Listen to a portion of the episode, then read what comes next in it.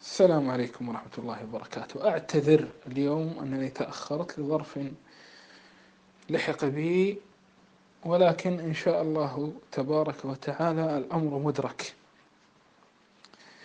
سنتكلم سنكمل اليوم الحديث عن باب العلة والكلام في باب العلل جدا شيق ومسلي.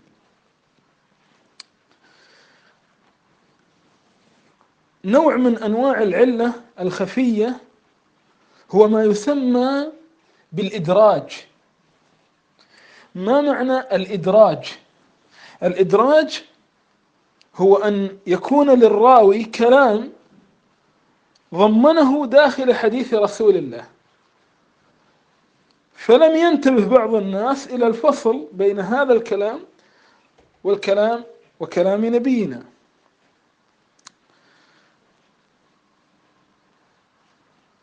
فيخطئ الراوي الثقة.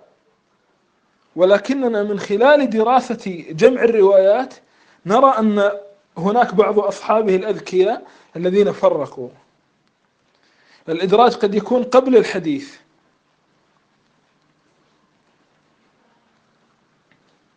يعني إنسان يكون يتكلم كلاما ثم يذكر حديثا لرسول الله وقد يكون في منتصف الحديث شرح ولكن في الغالب تكون واضحة.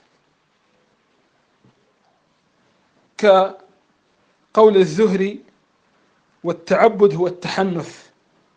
عفوا والتحنث هو التعبد في حديث غار حراء. وقد يكون خلف الحديث كما روى ابن مسعود عن النبي صلى الله عليه وسلم أنه قال الطيرة الشرك الطيرة الشرك. ثم علق ابن مسعود وقال وما منا إلا يعني من ينوبه شيء من الطيرة. ولكن يذهبه التوكل. هذه لابن مسعود. وقد جمعت مؤلفات في مسألة الإدراج. إن شاء الله تبارك وتعالى إذا تحدثنا عن المصنفات الحديثية على مر العصور وكيف يستفيد منها الباحث سنعرض لهذه المؤلفات. الباب الثاني في العلة الباب الثاني اليوم ولا تكلمنا عن أبواب آه، سابقة. الباب الثاني في العلة هو باب باب حال الراوي أثناء الرواية. حال احتف بالراوي أثناء الرواية جعله لا يضبط وهو في الأصل ضابط. وهو مثلا يقول لك حدث به عند المذاكرة أو حدث به وكتبه ليست عنده أو حدث به ورجع عنه. هو اكتشف إنه أخطأ. مثل عبد الله المبارك كان في الجهاد فحدث بحديث البركة مع أكابركم. المتن أتى به بشكل صحيح ولكنه أخطأ في الإسناد. نبه على هذا بعض تلاميذه وقالوا سبب أن المبارك أخطأ أنه كان في الجهاد.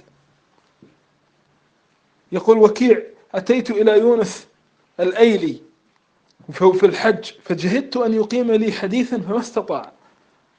لأن كتبه ليست عنده لم يراجع وهذا أصلا حفظه من كتبه أو وهذه نادرة لكن تقع.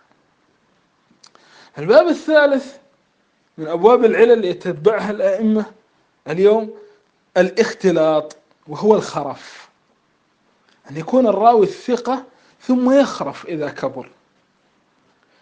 ومجرد تتبع المحدثين لهذه الحال دليل دقة شديدة وتجدهم يقولون مثلا الراوي فلان فلان وفلان وفلان رووا عنه قبل الاختلاط وفلان وفلان وفلان رووا عنه بعد الاختلاط.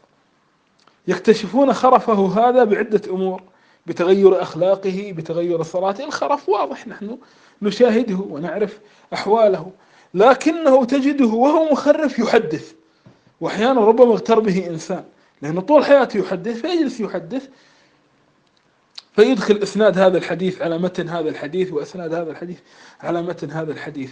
باب الاختلاط هذا باب زاخر وألفت فيه كتب خاصة. وأحيانا يقولون رواية أهل البلد الفلاني عن فلان قبل الاختلاط. الباب الخامس من أبواب العلة التفريق بين روايات الراوي بحسب البلدان. كيف؟ مثلا يقولون إسماعيل بن عياش روايته عن الشاميين قوية وروايته عن غيرهم ضعيفة. لأن الشاميين أهل بلده فكان يراجع ويذهب ويأتي. وهذه من دقة المحدثين. أنت ضابط ما في مشكلة. لكن نحن نلاحظ أنك إذا حدثت عن أهل البلد الفلاني تخالف أهل هذا البلد. فمعلوم أنك في أهل هذا البلد عندك مشكلة. أنت الأحاديث لا تضبطها. حتى كما قال الأعمش عن أبي إسحاق روايته ضعيفة لأنه ضيع كتاب أبي إسحاق. كان كتب كتاب عنه ثم ضاع منه هذا الكتاب. وهناك بالعكس من أحاديثه وهو صغير ضعيفة وأحاديثه إذا كبر تصير قوية. مثل روايات معمر عن ثابت مثلا. روايات معمر يقول معمر عن ثابت وعن قتادة يقول كنت أجلس جلس صغير فكان ما يهتم بالأسانيد. كان يهتم أنه يحفظ الحديث المتن. لما كبر فهم أنه لابد أنك تحفظ الإسناد الرجال فلان عن فلان. فصار يعني يحاول يتذكر ويحدث أنه هذا الحديث كأنه لكن أحاديثه بعد ما صار يركز على حفظ الإسناد قوية.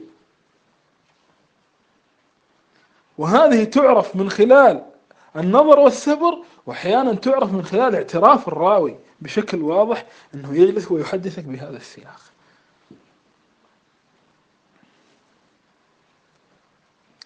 باب العلل القادحة باب طويل لكن هناك باب غريب جدا عند المحدثين وهو العلل غير القادحة.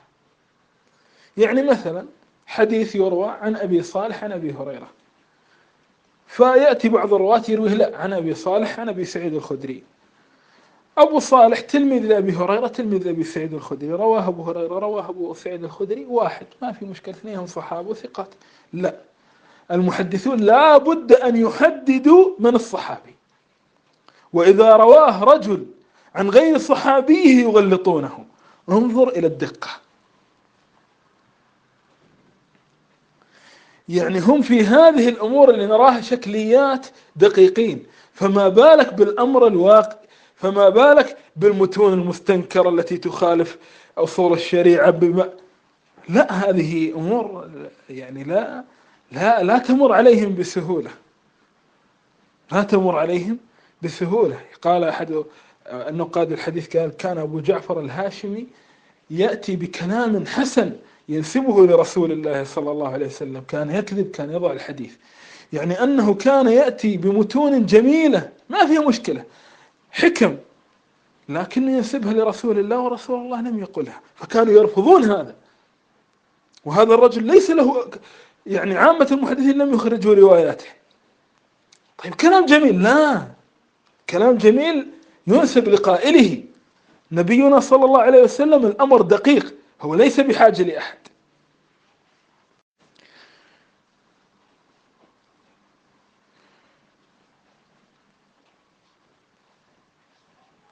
أيضا من ضمن الأمور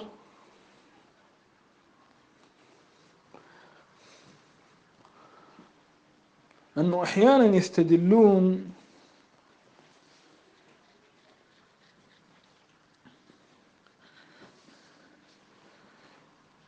على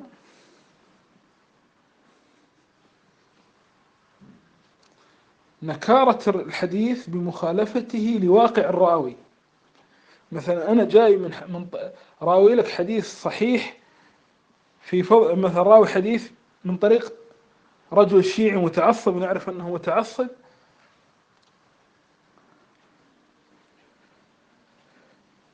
طيب.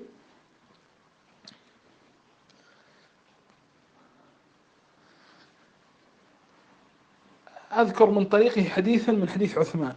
هذا لا في فضل عثمان مثلا. هذا لا يجيء. وأحيانا هناك أسانيد غريبة. يقولون هذا إسناد لا يجيء مثلا واحد يروي سعيد المسيب عن أنس. ما في ولا حديث سعيد المسيب عن أنس. سعيد المسيب أدرك أنس و... ولكن سعيد المسيب آه، رحمه الله ورضي عنه لم يسمع من أنس بل هو اكتفى بالصحابة الذين هم أكبر من أنس. أنس يعني كان يراه شابا صغيرا. طيب. هذا هذه على عجالة شروط الحديث الصحيح في أقصى المراتب مراتب الصحة.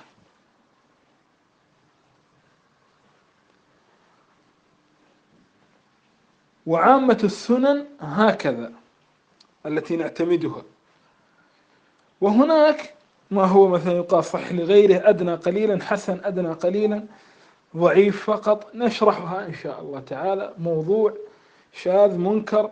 هذه الألفاظ ذكرناها ونحن نتحدث عن شروط الحديث الصحيح. وإن شاء الله سنتكلم عنها لاحقا بشكل أوسع.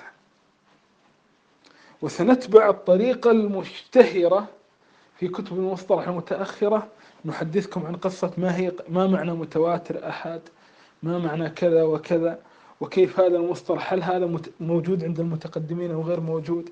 النقاش اللي حصل بين الإخوة بقضية الشاذ. إن شاء الله تبارك وتعالى سنتحدث عن هذا أكثر وأكثر وأكثر. ثم بعد ذلك